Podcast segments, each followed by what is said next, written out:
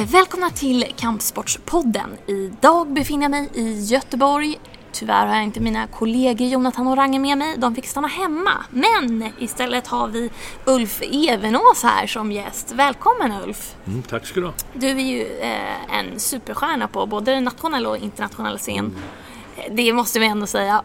och, Du, eh, du får säga det. Jag säger det. Och du har varit på mattan i 50 år, om jag inte minns fel Ja, jo, ungefär. då. ja, och innan dess höll jag på med karate. Ja, att, eh, ja men ännu längre även, även så. Ehm, kan inte du bara berätta lite om hur du hittade aikidon och ehm, vad det var som får dig liksom fortsätta och fortfarande eh, hitta glädjen i det och utmaningen i det? ja, eh, när jag kom till Göteborg, jag är inte från Göteborg egentligen, jag är från Trollhättan. Så flyttade en eh, kompis och jag in i en eh, ja, omodern liten etta utan varmvatten, utan toalett, eh, eh, utedass, alltså ja, ingen värme. Och, och det gjorde ju då att eh, det var lite sanitärt dåligt. Men intill där vi bodde där låg en skola där man tränade karate. Och vid den här tiden, vi pratar alltså mitten 60-tal här, så började det bli lite populärt med karate Karaten det var ju mycket James Bond på den tiden. Just. Så vi eh, sneglade in genom fönstret och tittade vad, vad det där var. Och sen, det verkar ju fascinerande men så kom vi ihåg, de hade ju både dusch och toalett. Så eh, då skrev vi in oss. Full poäng. Ja, det, det var ju fantastiskt. Och vi fick ju motion och, och, och så här också. Och, och det var faktiskt väldigt spännande. Det var en underbar träning, det måste jag säga. Eh, min kompis han, han la av ganska snart. Men sen, eh, ja, ett och ett halvt år någonting efteråt, så eh, hann jag inte riktigt med men jag hade blivit biten av det här med, med japanska japanskt bud. Då, så hade jag läst lite grann om bland annat då eh, aikido. Och jag eh, eh, funderade lite grann runt vad jag skulle göra så jag gick eh, ner till eh, Kurre är en gammal legend som jag kände på den tiden också. Och så frågade jag honom, vet du någonting om aikido? Och det visste han ju egentligen inte, men han visste en som höll på med det lite grann som hette Kalle Hansson. Kalle var, hade tränat lite judo tidigare men han var gammal elitgymnast och han, ah, han visste väl inte så mycket egentligen om aikido men han var väldigt fascinerad av det. Ja. Och en väldigt charmerande människa. Så jag pratade med honom och, och så hoppade jag in i hans grupp kanske fyra, fem stycken eller någonting. Och det var jättehärliga människor, jättegoda människor. Så att, eh, då blev jag liksom lite grann fast där. Och eh, kvalitativt så låg vi väl inte så långt framme men vi hade väldigt trevligt och som sagt underbara människor. Så det var Kalle som gjorde egentligen att jag började med aikido och hängde kvar. Eh, sedan så eh, har det ju då utvecklats. På den tiden så var det ju aikido vi hade också väldigt primitivt. Det var en gammal lägenhet i en rivnings eh, ja, stadsdel där det bara fanns kallt vatten. Så eh, det, var, det var väldigt primitivt. Men det förde också oss samman på ett, på ett eh, speciellt sätt.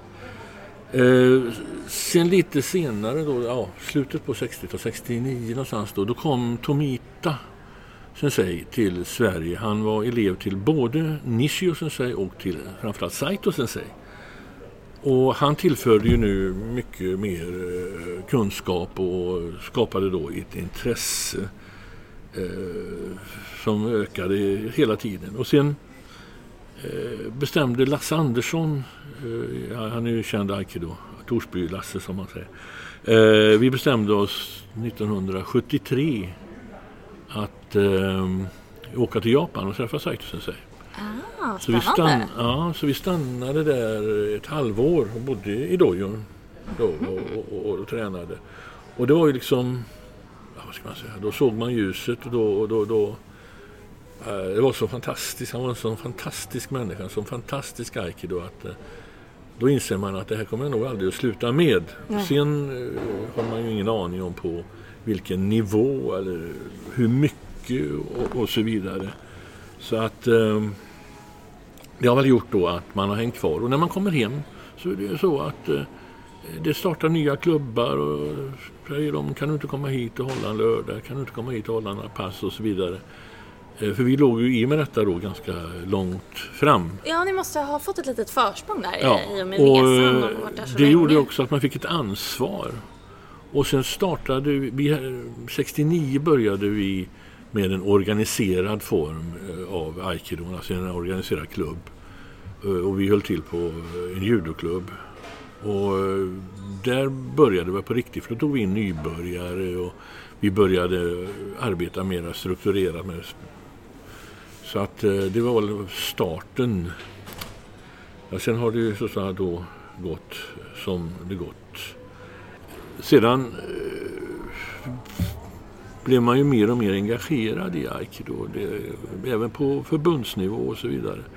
Men eh, i och med att man blir så engagerad som jag blev så tar ju aikidon upp en stor del av ens liv. Och det tänket som vi har i aikido, det blev liksom eh, vägledande. Så man kan säga, lite grovt tillyxat, att aikidon blir en del av en själv när man är så.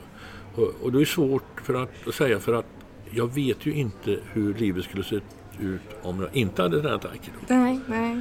Men eh, oavsett så eh, har jag ju genom åren då sjunkit mer och mer och mer in i aikido. Och mitt engagemang har ökat och eh, efterfrågan framförallt har ju ökat eh, väldigt, väldigt, väldigt mycket.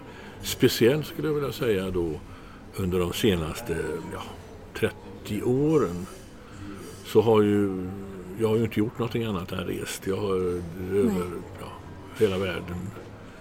Eh, och det har gjort att eh, jag jag är liksom formad av aikido. Och det, det kan också... Jag har ju haft eh, andra arbeten vid sidan om, va, så jag har aldrig levt av aikido på något sätt. Utan eh, det blir på toppen av allting. Så har man då eh, arbete, familj, aikido eh, så, så tar aikido en väldigt stor del av detta. Och det, det så att, eh, och sedan då har jag varit ledare för olika eh, organisationer. Jag har ju bara jobbat i ja, Svenska Budeförbund när det var det, det lokala bud, eller budeförbundet här i väst. Jag har varit i Eh, vi har haft en större organisation en gång i tiden när min lärare fortfarande levde, Saito som heter Johan Maru. Där var jag en av ledarna, eller jag var ledare. Och eh, så vidare. Så att det här har liksom omfamnat mig. Så det har liksom inte funnits någonting egentligen utanför ja, arbete, familj, aikido. Och så har jag då varit väldigt noga med att hålla kvar några kompisar utanför aikido, utanför den här sfären. Eh, För att lite, ha lite kontakt med verkligheten. Annars blir det någonstans, eh, detta blir allt. Annars blir aikido-nörd. Ja, alltså det är ju på morgonen och eh, så ska man träna. Och jag, 80-talet, mitten 80-tal, ja, större än 80-tal så hade jag mellan 500 och 600 träningspass per år. Det är en och, hel del. Och det blir en del, ja. Eftersom man liksom inte tränar på julafton och födelsedagen och när man är sjuk och sådär, så blir det väldigt kompakt. Så att... ehm, Men du har, ju, du har ju, precis som du nämner, du har rest i väldigt många år. Du har undervisat på väldigt många olika platser. Ehm, om jag inte minns fel är det Saito Senseis representant i stora delar av världen. Ehm, kan du berätta lite om, om, eh, om det här livet att att åka runt och undervisa? Hur, hur, eh, hur ser det ut? Ja. ja. Eh, man har ju fått lära sig att åka flygplan och jag hittar på eh, flygplatserna. Det, det är nästan så att eh, personalen på, hälsar på flygplatserna nu. Men eh, ja, vad som skedde det var att Saito Sensei han eh, bodde i princip då, alltså, han var väldigt nära grundaren Sensei under väldigt, väldigt många år. Eh, Från 1945 till eh, 1969, det vill säga 23 år. Och han följde ju eller Åsenseis process fram mot den färdiga aikidon. Ja. Och liksom den processen som vi är inne i, alltså den, den aikidon jag... eh, För hade ju många elever, väldigt nära elever. Och de har ju utvecklat sin pedagogik som leder till samma mål. Det, det är liksom ingen tvekan. Det finns eh, ett, jag tror kinesiskt talesätt som säger att det finns många sätt att nå toppen av berget. Men när man väl är där har man samma utsikt. Så Saitusen sägs Aikido var inte en stil, det var väldigt noga med att framhålla.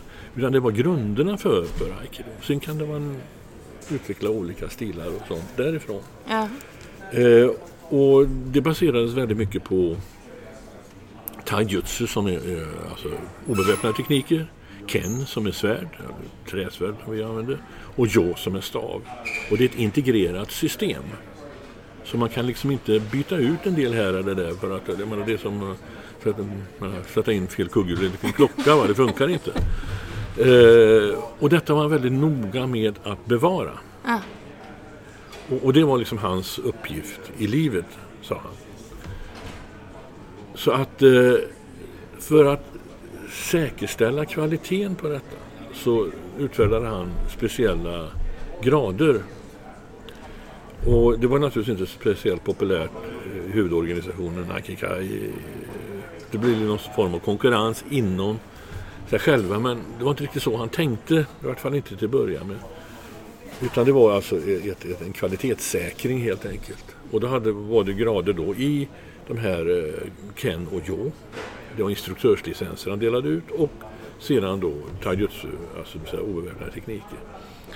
Och jag fick en väldigt eh, framskjuten position eh, här för att 1992 då satte han foten i, i, i mattan så att säga och sa så här ska det vara.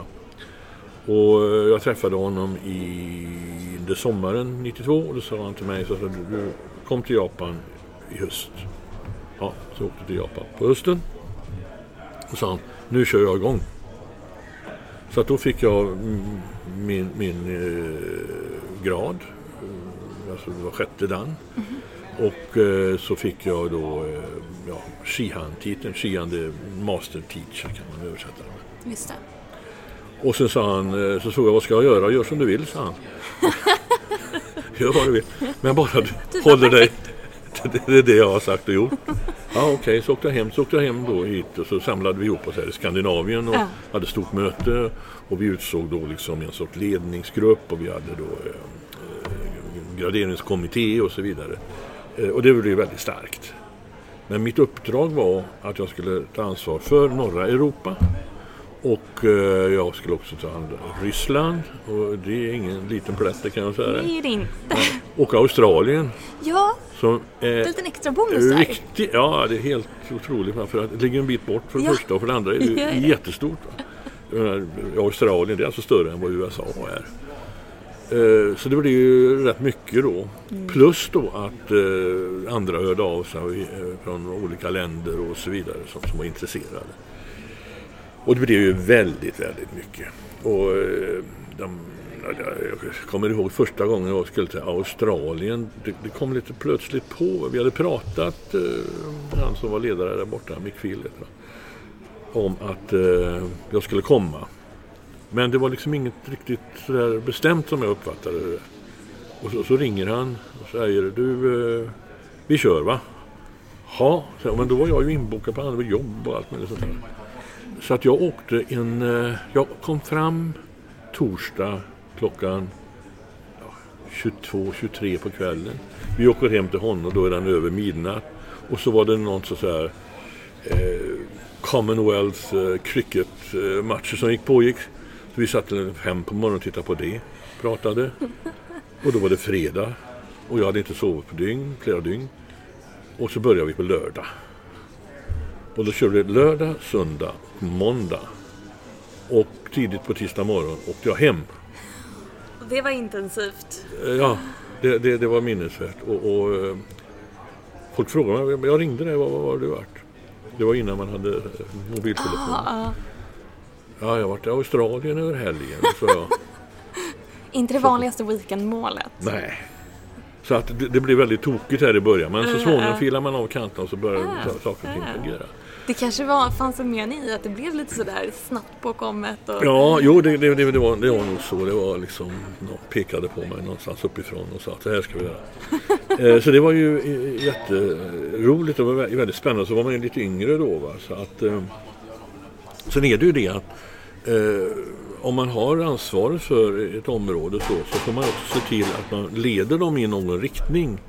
Så det är inte bara att åka dit och så vispar man av lite tekniker och sen åker man hem igen. Nej, det här är liksom inte som att ta en kurs i eh, knyppling eller släktforskning eller någonting sånt där utan här kan man liksom leda eleven fram för det är ju liksom lärarens uppgift. Väldigt det- individuellt också tänker jag. Va? Det, det känns som att man, det är ju individer man, man Ja, absolut. leder. Det känns Och det vi har ju det, jag menar, åker du på ett eh, fotbollsläger så är alla ungefär på samma nivå. Eller ett landslagsläger i judo eller vad det nu än kan Ja. vara. Men här har vi ju alltså från nybörjare till högt graderade och man ska möta bådas behov.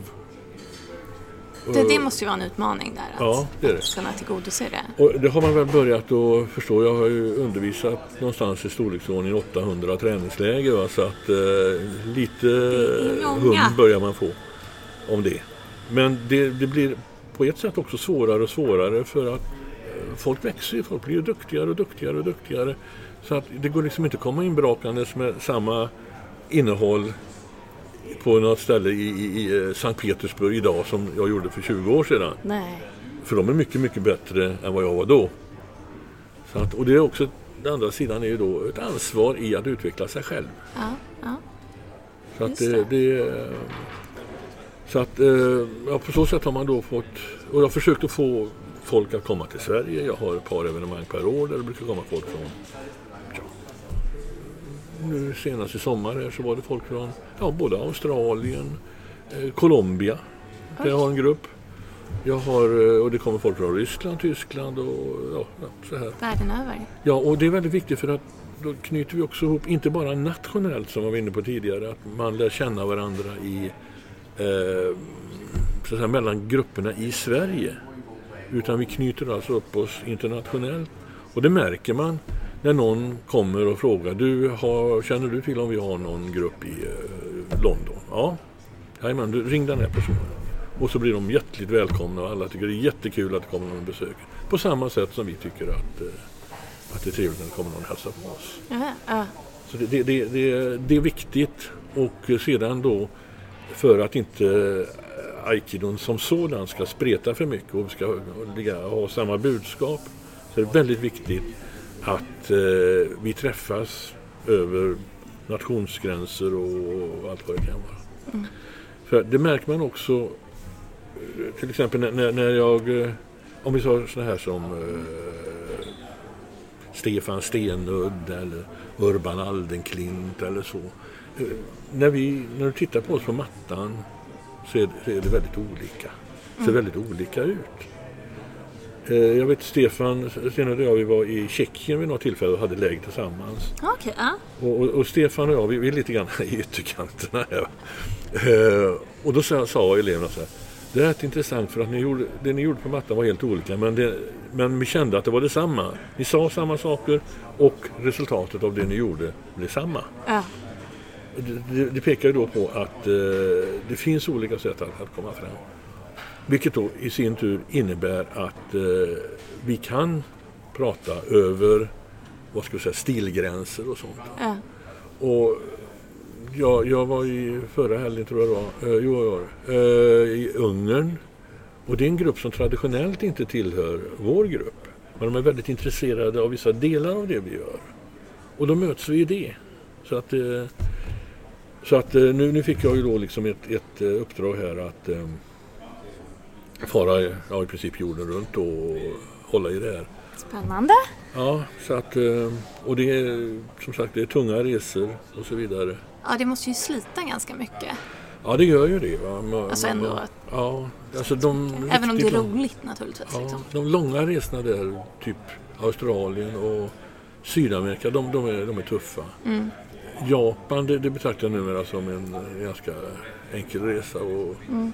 Jag är alltid utrustad, jag har min dator med mig, jag har en bok med mig, jag har musik med mig. Och de tillhandahåller filmer Och eh, några timmar senare är jag framme och har inte öppnat boken. Jag har inte öppnat datorn. Jag Det brukar någonting. bli så när man Man åker. bara sitter och njuter av ensamheten. Inga telefoner som ringer, ingen som... Mm. Ja. Man får vara helt själv. Det vara är, helt- det det är inte så ofta nu för Och det tiden. gör ju att man kan då eh, hantera eh, resan Mm. samtidigt då som man kan mer och mer gå in i det man ska mötas av när man kommer fram. Ja, man kan faktiskt få en liten paus däremellan. Ja. Det har jag inte tänkt på, men det, det stämmer Ja, faktiskt. och sedan, eh, ja, för jag har en tanke. Eh, När jag ska genomföra ett läger så går jag tillbaka. Vad gjorde jag förra gången? Jag frågar alltid, vilka är där? Eh, och eh, så tittar jag, vad ser jag för eh, mönster över världen i andra ställen? Eh, vad tränar man och vad tränar man inte? Var finns de stora misstagen? För då visar det sig ofta att det kan vara samma saker ungefär på olika ställen. Vilket kan betyda att jag har missat det här förut. Eller jag har kommit på någonting. eh, Det här, nu ser jag det här sambandet. Och då kör jag det så alla ska. Det här försöker jag då väva samman med eh, till, till, till en, en, en, eh, ja, ett innehåll i lägret. Att man, det jag säger när jag går på mattan första dagen ska ha ett samband med det jag säger när jag går av mattan ett par tre dagar senare. va.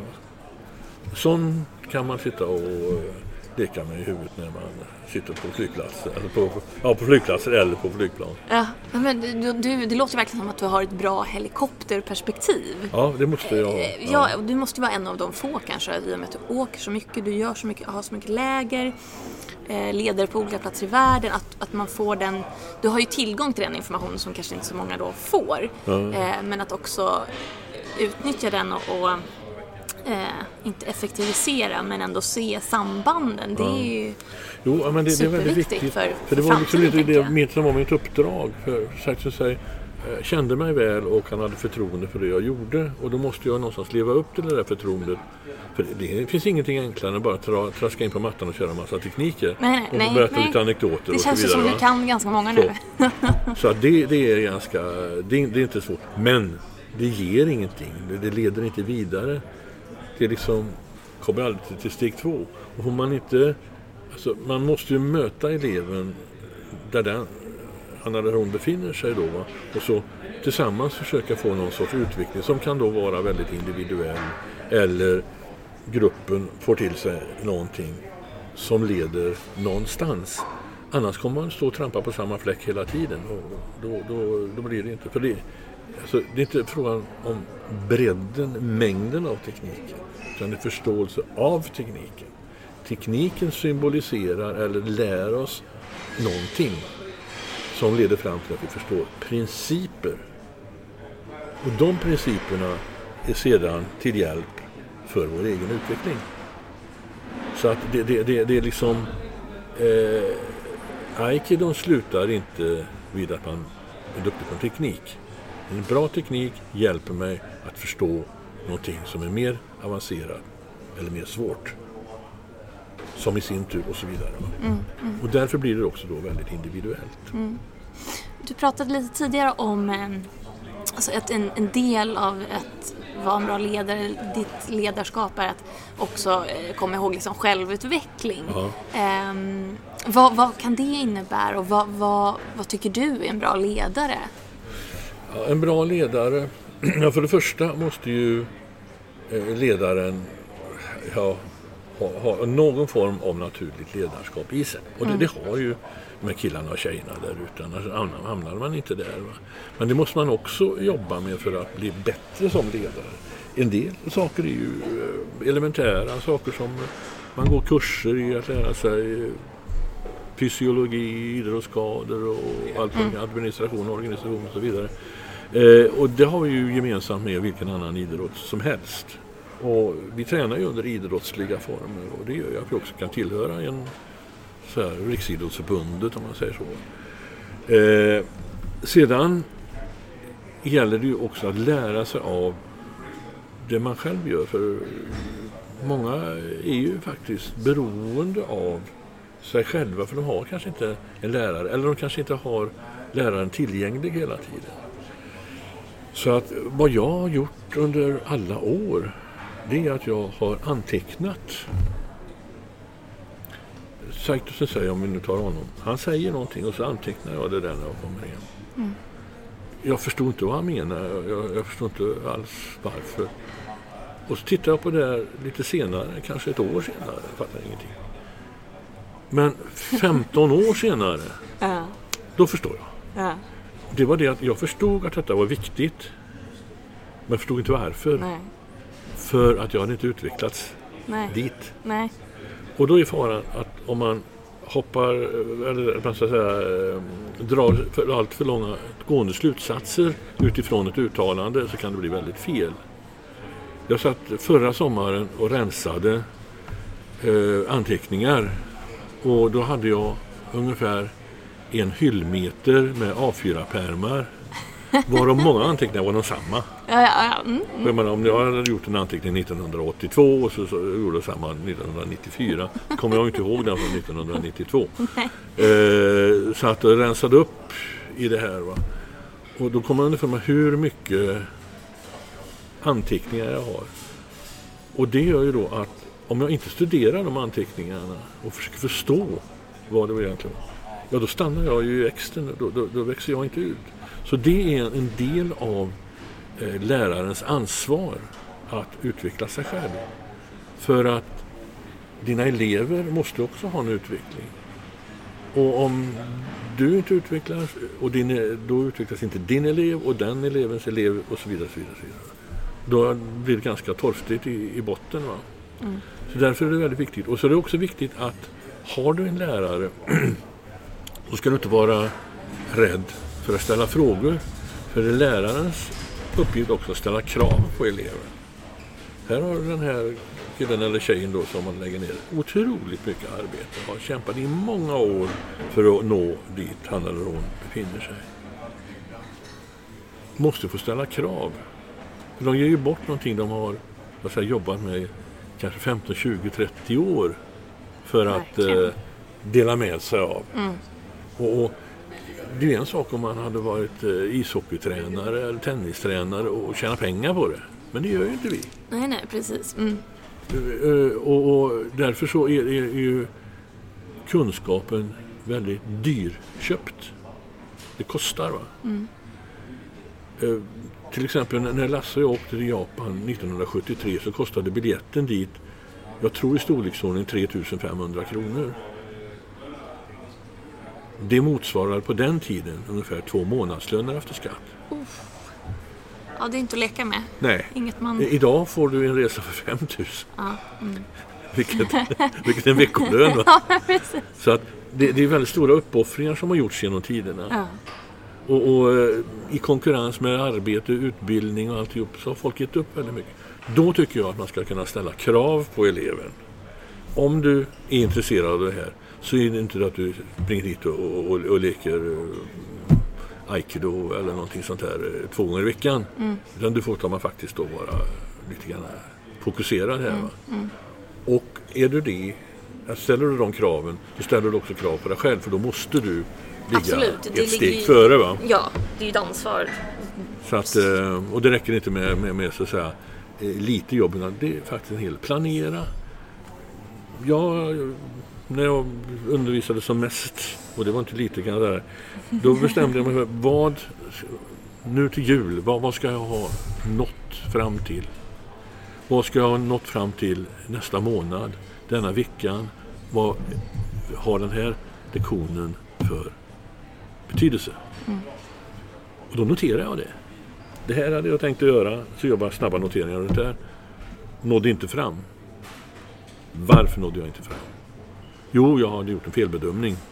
Eller, om det är träningsläger, sammansättningen på träningslägret såg inte riktigt ut som jag hade tänkt mig. Eller, jag upptäcker plötsligt att här finns en brist.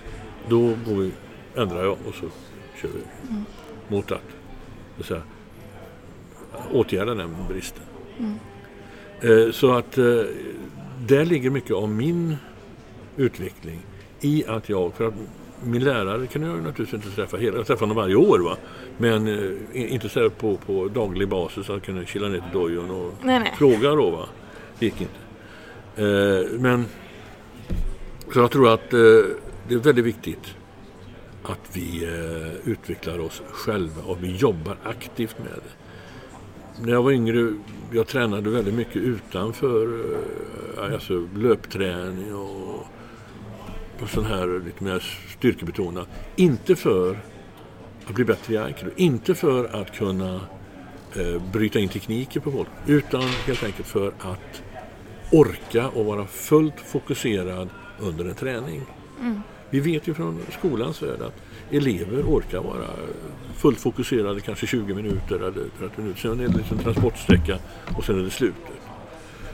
Om vi då har en träning på en timme så gäller det då att disponera den timman på sånt sätt att jag maximerar information till min elev. Och det måste planeras. Mm. Det, det, är liksom ingen slump om det händer. Nej. Utan det, det, det, det är lärarens jobb att göra. Mm. Sen kan man göra det på olika nivåer. Eh, några kanske har få elever, de känner elever, de vet precis vad de ska göra. Eh, andra har, har, större verksamheter som exempelvis jag själv eller uh, Urban Aldenklint eller Janne Nevelius och, och, några till som, som har en väldigt stor verksamhet. Vi måste ju så säga, hålla oss ajour och vi måste hela tiden vara aktiva. Mm.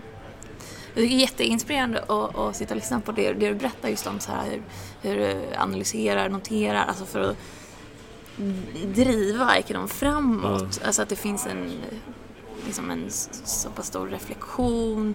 Eh, sen, sen har ju alla ledare olika egenskaper och så men, men eh, det är väldigt, eh, väldigt Jag jobbar väldigt strukturerat.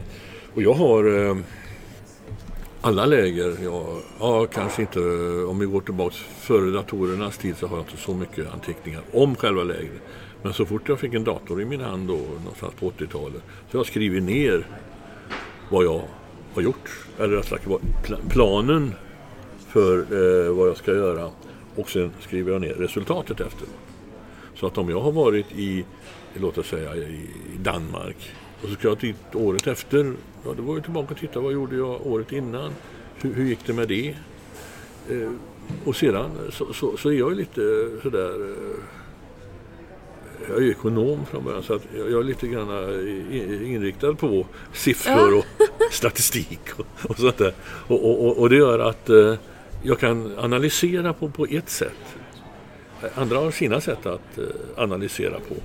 Men det är väldigt mycket så för mig att jag liksom vill veta exakt vad jag vill veta. Jag vill följa eleven. Jag kan se, ja den här personen som bor någonstans. Ja, han kommer så och så mycket på läger. Det innebär att han har fått till sig de här sakerna. Eh, och då vet jag ungefär vad, vad, vad, den här personen... Och sen kan jag titta på honom på lägret och då kan jag liksom se att aha, det var som jag misstänkte att eh, eh han eller hon har inte jobbat så mycket med det här. Ja, men då, då adresserar vi det nu. Mm. Eh, jag pratar med folk när jag ska träningsläger. Är det något speciellt du känner att jag ska göra? Nej, ja, kanske lite det och det. Men jag vet redan väldigt mycket. För att eh, i, eh, ja, ja, för du sparar min, det? Nej, men att man är uppmärksam. Liksom. hjärnan. men men sen, sen alltså, det, det, är inte så att man går som en maskin genom en, en träning. Utan nej, nej. man får vara väldigt, väldigt lyhörd. Och det kan finnas detaljer som jag tar upp som inte alls hade planerat. Men jag ser att den här detaljen, den är viktig. Den måste vi jobba med. Annars kommer vi inte vidare. Nej. Vi börjar alltid, jag börjar alltid från början och så, så eh, expanderar det så att säga. Och när det gäller träningsläger så, så ska det ju innehålla eh, olika delar. Väldigt, väldigt basalt, väldigt, väldigt grundläggande. Det måste finnas där. Det måste finnas mer här kast och flytande tekniker. Det måste finnas en del eh, annorlunda saker som de kanske inte ens har sett förr Det undervisas väldigt sällan. Det får vara liksom lite grann humoristiska inslag och så vidare. Det är en, ett, ett träningsläger är speciellt. På klubben, där blir det mera strikt. Det är där vi lägger det stora grundläggande arbetet. Mm. Och det är det ansvaret klubbledarna har, till exempel här i Sverige. Absolut. Så det, ja. Nu har vi pratat lite om eh, när du började med aikido, lite aikidons utveckling och hur du har utvecklats med aikidon och för aikidon. Eh, kan inte du berätta lite om vad du tror om, om framtiden för aikidon? Ja, eh, det är en svår... Eh, Internationella Aikido-federationen gick just ut till ett, några stycken lärare. Eh, jag tror 20 stycken eller någonting sånt där i, eh, världen och eh, ställde frågor. Hur kommer Aikido att se ut 2050? Och det är väl inte någonting som kommer att beröra mig precis va? men eh, man kan ju... Man vet aldrig. Man vet aldrig. ja, man kan ju alltid eh, göra sig en bild av det, eller vägen dit. Och eh, min tanke är ju att man kan, sådana stora hopp kan man inte göra. Det, det, det, det blir liksom bara fel. För om jag går tillbaka, det är om, det är om 30 år. Va? Om jag går tillbaka 30 år, då skulle jag på, om man frågade mig då, mm. med den trenden, trenden vi hade i aikido, så hade vi svensk aikido lätt varit 30 000 personer. I våran klubb hade varit 800 personer och så vidare. Och så vidare, och så vidare. Mm. Eh, för sån var trenden. Ja. Och ska man följa trenden så blir det det för att det är en egenskap vi människor har. Vi tror aldrig att det tar slut. Nej. Miljön finns kvar för evigt precis som den alltid har varit. Tillväxten i affärslivet, det bara växer. Eh, och aikido bara växer. Vilket den då inte gjorde utan den förändrade sig börjar sakteliga förändras och eh, minska så att eh, fjolår och siffror låg någonstans på 3800 jämfört med eh, någonstans 10-15 år tidigare 5000. Och sen har det då skett en, förskjutning mot eh, fler barn. Så att ungefär 54 procent av de siffrorna är barn och 46 procent är vuxna. Och det där med barn, det är väldigt, det är väldigt bra. För det, det är ju framtiden. Mm. Eh, det tråkiga är att eh, vuxensidan har inte vuxit och hållit jämna steg med detta. Så att eh, utmaningen här är ju att få in yngre människor. När jag började då, jag säger på 70-talet, ja då var det yngre människor. För vi allihopa i klubben var, var, var, var, yngre. Mm. Ledarna var yngre, tränarna var yngre, alla var yngre. Och eleverna blev yngre. Det var ingen, kom aldrig någon och började som var 40. Nej. Men det, är inte ovanligt idag. Och eh, därför så gäller det då att vi, alltså tonåringar har vi alltid haft svårt att få. Barn har gått bra och det gäller då att få barnen att bli tonåringar, stanna kvar och kunna utvecklas. För det, det, det är den, den eh, framtiden. Sen har vi då motsatsen om vi säger så. Alla de här eldsjälarna som drog igång klubbar på 80-90-tal som nu börjar komma upp i eh, väldigt mogen ålder. Eh, här, många är ju alltså uppe i 50, 60, 70 och då finns det ju liksom ett bäst före-datum här någonstans. Och de här kanske leder en klubb som inte är så fantastiskt stor men kanske har 15-20 medlemmar. Mm. Men det innebär att alla är inte på mattan samtidigt. Så att det är väldigt... Och, och eh, Eh, utsatt för att det är inte är så kul att träna om det är fem på mattan. Men det blir kul om du har en entusiastisk lärare. Men om den entusiasten försvinner så måste han ersättas med en annan entusiast. Annars finns det en risk för, för, för klubbens överlevnad. Eh, så det, det, tror jag att eh, är en viktig sak. Hitta nya eldsjälar. De gamla kan finnas kvar men man börjar bli skröplig när man kommer upp i åldern. Vi, menar, min generation, jag refererar till den yngre generationen, då är de över 50. och det man är fullständigt otänkbart eh, om vi går tillbaks 40-50 år. Ja, eller hur? Ja. Så att eh, det, det, det, det, måste, måste ske. Och där måste eh, vi som är äldre också ta ett ansvar och stötta och hjälpa och leverera våra erfarenheter och kunskaper till dem. Mm. Så att inte de fastnar i, i, i den, den, positionen de är eller den, den kunskapsnivån de är. Det är ett ansvar för oss. Va? Vi måste vara väldigt tydliga med vad aikido är. Det går liksom inte att eh, eh göra sken av att aikido det är en eh, självförsvarskonst. Eller självförsvar. För att det är egentligen inte det det är. För att aikido Syftet är personlig utveckling, alltså att bli bättre än sig själv. Och grundaren också sa ett uttryck, Masakatsu Agats, vilket betyder den enda sanna segern är segern över dig själv. Och, blev, och så är det naturligtvis idrott också. du kommer inte med i A-laget om du inte blir bättre. Nej. Så att där finns också en personlig utveckling. Men vi sträcker ju den bortom A-laget så att säga. Vi, vi, vi ska ju hålla på med det här hela livet. Va? Eh, och vi har inte då det, det tävlingsmomentet som, som, som eh, tävlingsidrotter har. Eh, och vi, vi tränar inte för att bli bättre än någon annan. Utan då som sagt oss själva. Så därför så, så blir på något vis självförsvar i någonting som inte är riktigt sant. Och när eleven kommer och upptäcker att det här är inte den självförsvaring jag får lära mig på andra ställen. Vi pratar aldrig om någon juridik, vad som är etiskt, moral, alltså etiskt och, och medicinskt och juridiskt försvarbart att göra. När använder man övervåld? Det pratar vi aldrig om i aikido. Det gör man i andra sammanhang. Jag jobbade i många, många år med, hade utbildnings och utvecklingsansvar för de här frågorna inom Kriminalvårdsverket.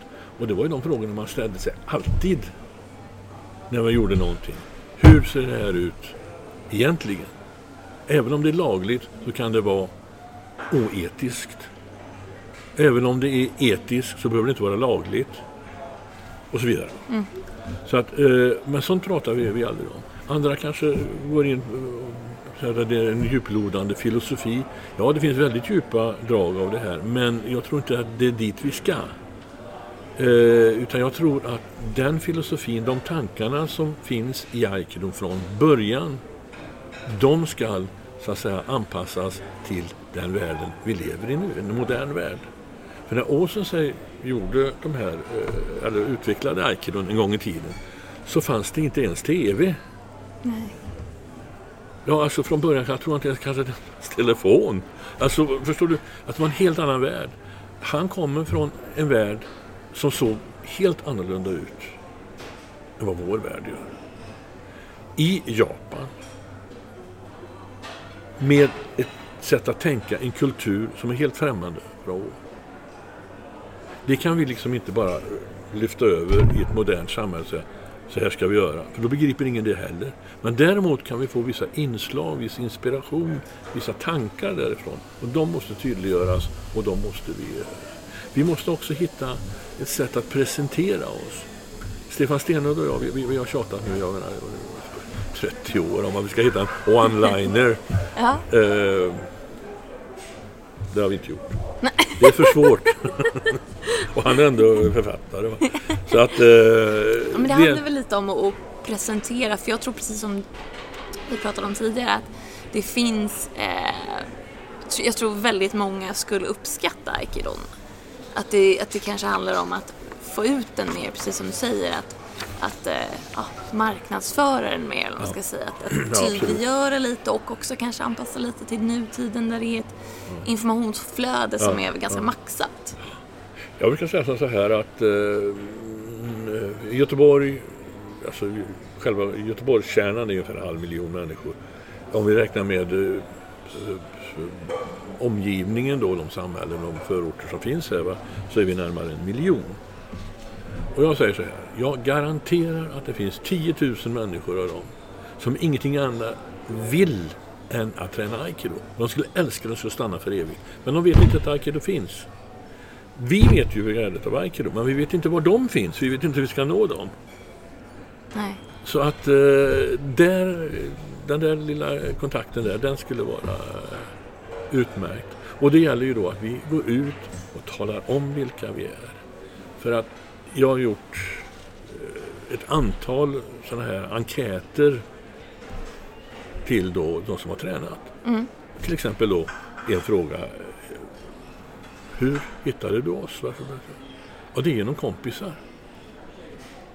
Och då gäller det då att den som tränar hos oss ska tas om hand väl. Dels för att de ska må bra, det är, menar, det är en självklarhet. Men det finns också andra aspekter på det. Om jag har lurat hit honom och sagt det här är ett jättehäftigt självförsvar eller det här är ditten eller datten. Så går de därifrån besvikna. Och så pratar de med en kompis. Som börjar fundera på det där med aikido. Nej, nej, nej, nej, nej, gå inte till det, det, det är skit. Alltså det vill vi inte höra. Jag vill att de ska ha en information där man, vilka är, så jag har gjort så här, alltså vilka frågor får vi? Då har jag gjort så att då har jag gett dem svaren, inte frågorna. Och sedan en snygg affisch. En snygg affisch eller en snyggt graderingsdiplom.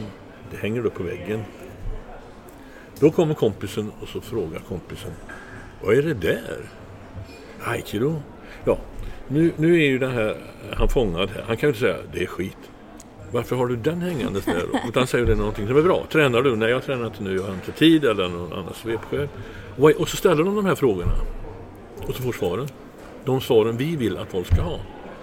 Eh, Det är ett sätt som jag tror på väldigt mycket. Med andra ord, vi måste vara ärliga, hederliga och tala om. Vi måste ta hand om människor. För det är svårare att behålla, det är väldigt svårt att behålla en.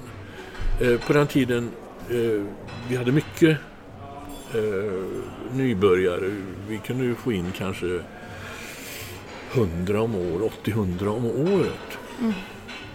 Och eh, min vana trogen så förde jag naturligtvis statistik Bra där. och eh, kom fram till att eh, det fanns en någon sorts halveringstid. Så, så kom, kom, kom det, låt oss säga 100 så var det för hälften kvar efter en termin. Och hälften kvar och hälften kvar och hälften kvar. Och om man då tittar på det, vad det fick för konsekvenser i graderingsutvecklingen så visar det sig att det behövs 100 personer för att få fram en första dan. Då gick jag till andra eh, karate och, och, så, som jag har haft mycket kontakt med genom åren. Ja. Jag har mycket kontakt med Shingo Ogami till exempel. Eh, och så kollade jag upp, men då, ja det stämmer. Ja, det är ungefär samma siffror som gäller. Om vi nu inte får 100 utan vi får 20. Ja, vad blir konsekvensen? Ja, får, har, har vi 100 så menar, får vi visst antal första med en viss periodicitet. Har vi bara 20 eller 10 eller någonting sånt där så kommer det ta väldigt lång tid innan vi får eh, några höga grader.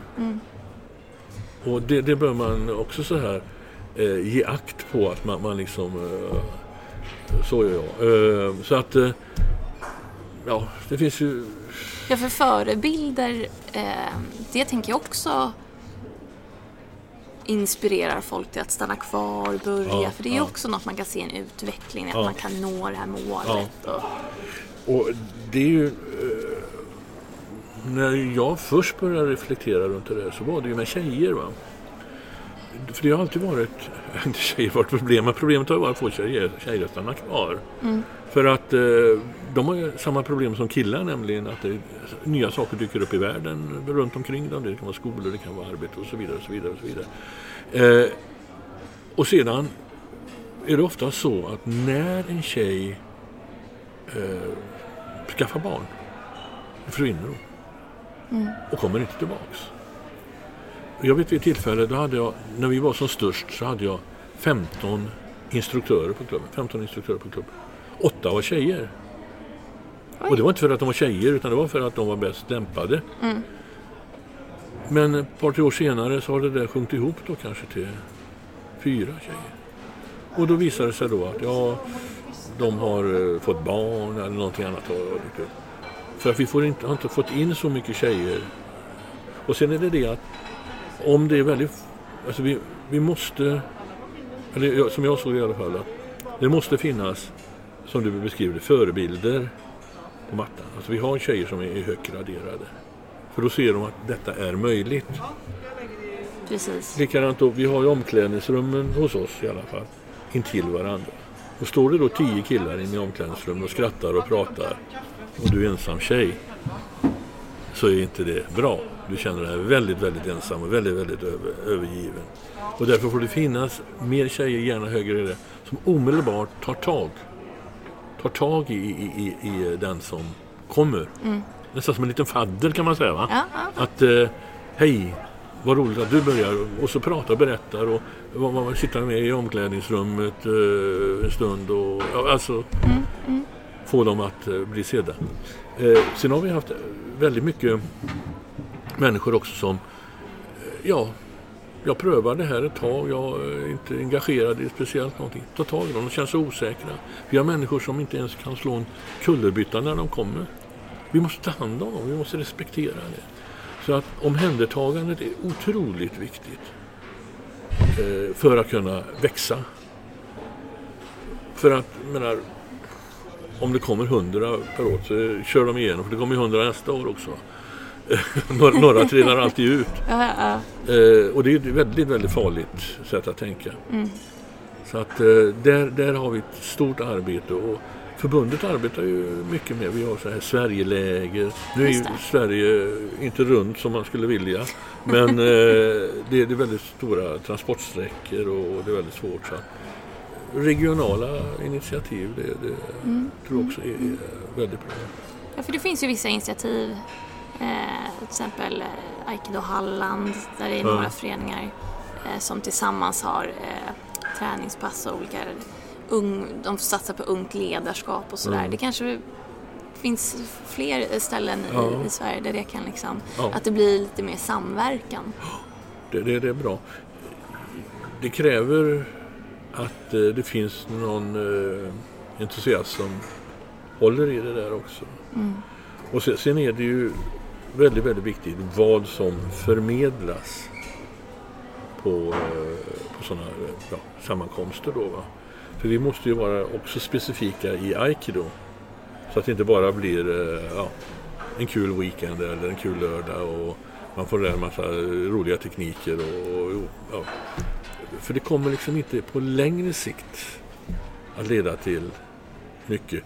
Om inte någon väljer en väg. Och den vägen man väljer för att aikido det är alltså eh, då är ju väg då, eller, det, eller det sättet man, man då liksom har valt. Eh, till skillnad mot kanske judo eller vad det nu kan vara. Men det är också viktigt att komma ihåg att det här finns också en väg i vägen. Alltså att eh, jag väljer vägen att gå med eh, Kobayashi. Jag väljer hans väg. Jag följer honom till 30 på. För jag vet, det kan jag se och förstå, att den leder till någonting som är bra. Därför hänger jag på där och, och, och, och så försöker lära mig så mycket som möjligt. Vilket inte betyder att man inte kan få in någon influenser från andra håll. Eh, Som jag nämnde tidigare, jag har kontakt med, jag har väldigt mycket kontakt med, med Shingo Ogami. Eh, han är ju forskare, han forskar ju i budo, budohistoria, budo, budofilosofi. Och jag har lärt mig otroligt mycket av dem utan att han ens har nämnt ordet aikido eller nämnt ordet ikkyo eller någonting sånt. Bara genom att förstå helheten och förstå historien. Och då tror jag det är viktigt att man ger detta till folk för att annars blir det lite ja, historielöst. Eh, Det finns liksom inte en, en riktig mening i det vi gör utan det var kul och det är underhållande just nu. Mm. Och här tror jag det kan vara av intresse för... en sak som jag säger utan att lägga någon värdering i det är att det är väldigt mycket tänkande människor som kommer till oss. I andra kampsporter också i och för sig. Va? Men i aikido de, de är kanske mera inriktade på ett sätt. Och det betyder inte att de, de är akademiker alla, tvärtom. Det är väldigt många som inte är akademiker. Vi har människor av alla kategorier, unga, gamla, tjejer, killar. Vi har olika kulturer, vi har olika religioner, vi har allt. Men någonstans finns det en kärna som förenar de här människorna i, intresset.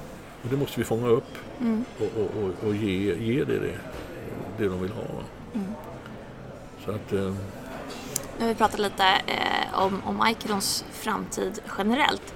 Eh, innan jag ska kasta mig på tåget tillbaka till Stockholm eh, så skulle jag gärna vilja höra om din närmsta framtid. Vad har du för planer närmsta tiden? eh, ja, omedelbart nu så tänkte jag gå på en konstutställning. Ja, vad trevligt. Nej. Men jag försöker...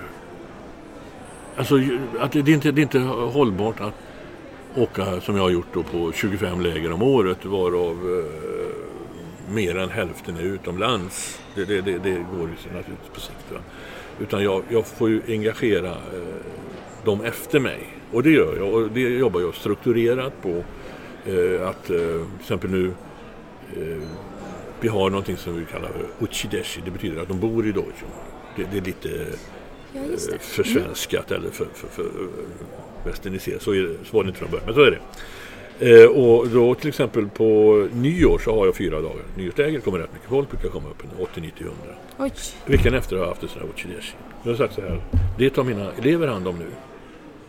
Så att då, då pekar jag ut eh, de som är mest aktiva, de som gör mest för, för klubben, de som är engagerade och för, vill veta någonting. De tar ansvaret. Så bjuder de in ett par stycken till utifrån. Eh, sommaren, det är två veckor har jag haft tidigare. Nu tar en vecka som veckan efter, samma sak där. Och då har vi gjort så att då har vi valt eh, internationella kontakter i första hand. Till exempel eh, eh, i somras så hade vi då ledaren för en organisation eh, som vi samarbetar med i Tyskland, Ryssland och eh, vad det nu var för en mer. Da, eh, Danmark, Danmark, ja, de tre. Så var det ledarna där. Nästa gång kommer generationen under dem till oss. Nu börjar vi prata samma generation va? Så att de ska befästa sitt samarbete. Och samma sak gör vi då efter nyår. Och så jobbar vi oss då närmare och närmare oss själva då. Sen bjuder vi in svenskar och, och så vidare. För att stärka upp nästa generation. Annars blir det bara jag. Ja, ja, ja men absolut. Man måste ju Så det, det, det är liksom det som är ansvar, ansvaret här. Va?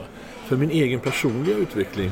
Ja, så eh, kan jag väl säga så att det går inte en dag utan att jag har lagt eh, en eller ett par timmar på, på aikido. Nej, nej. Jag eh, kan gå och grubbla på ja, saker länge. Jag går in i mina anteckningar. Jag minns att jag har läst det här någonstans. Var i herrans namn kan jag ha läst det? För jag har inte skrivit ner det. Eh, Jag kan eh, fundera över en rörelse jag har gjort. Jag kan sitta och titta på 20 timmar eh, DVD för att titta på en enda vridning på höften. Ja. Eh, Så, så där kan jag hålla på. Ja. Och sedan är ju då målet att, att kunna delge detta. Så att, eh, det ena är ju då att jag vill hålla mig kvar på mattan så länge som möjligt. Så, så länge som det går. Ja, ja, ja. Klart. Eh, och fortsätta att utvecklas och det gör jag ju på det sättet.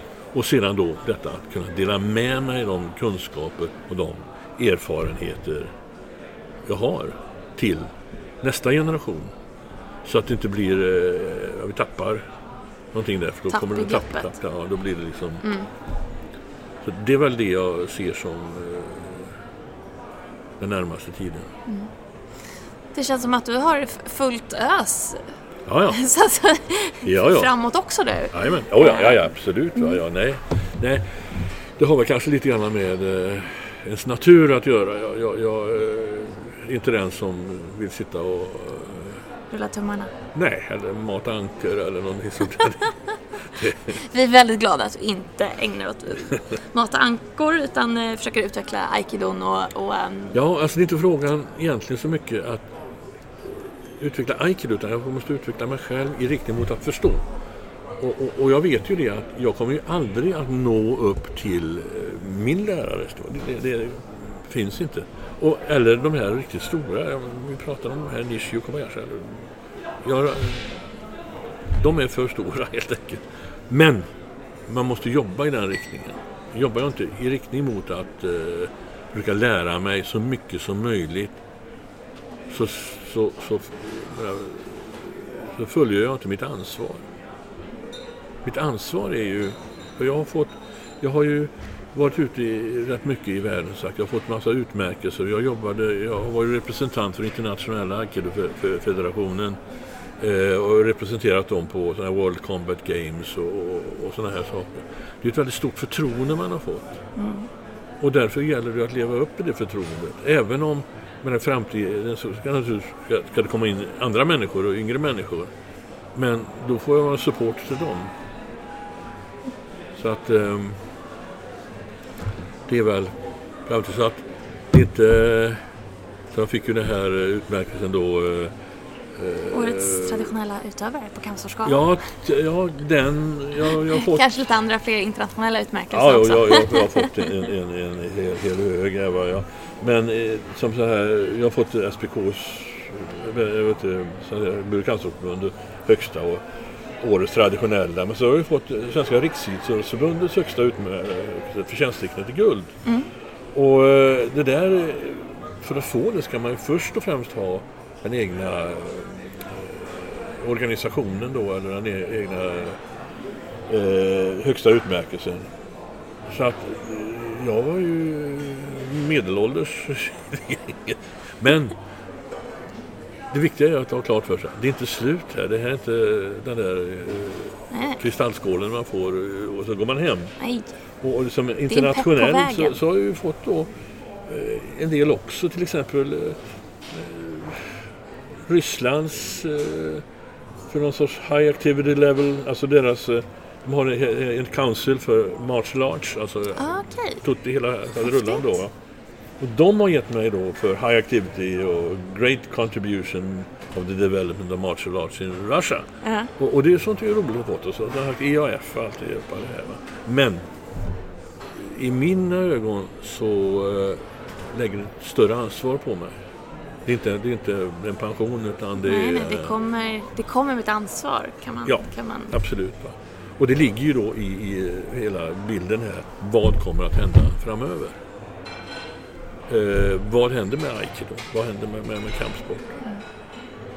Om inte vi äldre tar det ansvaret utan bara liksom eh, glassar runt på gamla meriter. Då stannar vi där man började med de meriterna så att säga. Eller, eh, eller på den tiden man fick dem. Men man, man kan ha tränat aikido i, i, i 30 år. Men man utvecklas bara de första fyra. Ja. Då är de andra 26 av ringa värde så att säga. Ja, nej, det, det, är, det är mycket spännande som kommer ske framöver också. Det slutar är inte jag här. om. Och vi är otroligt tacksamma och glada över att du kom och gästade vår kampsportspodd. Tack. Tack Ulf. Tack.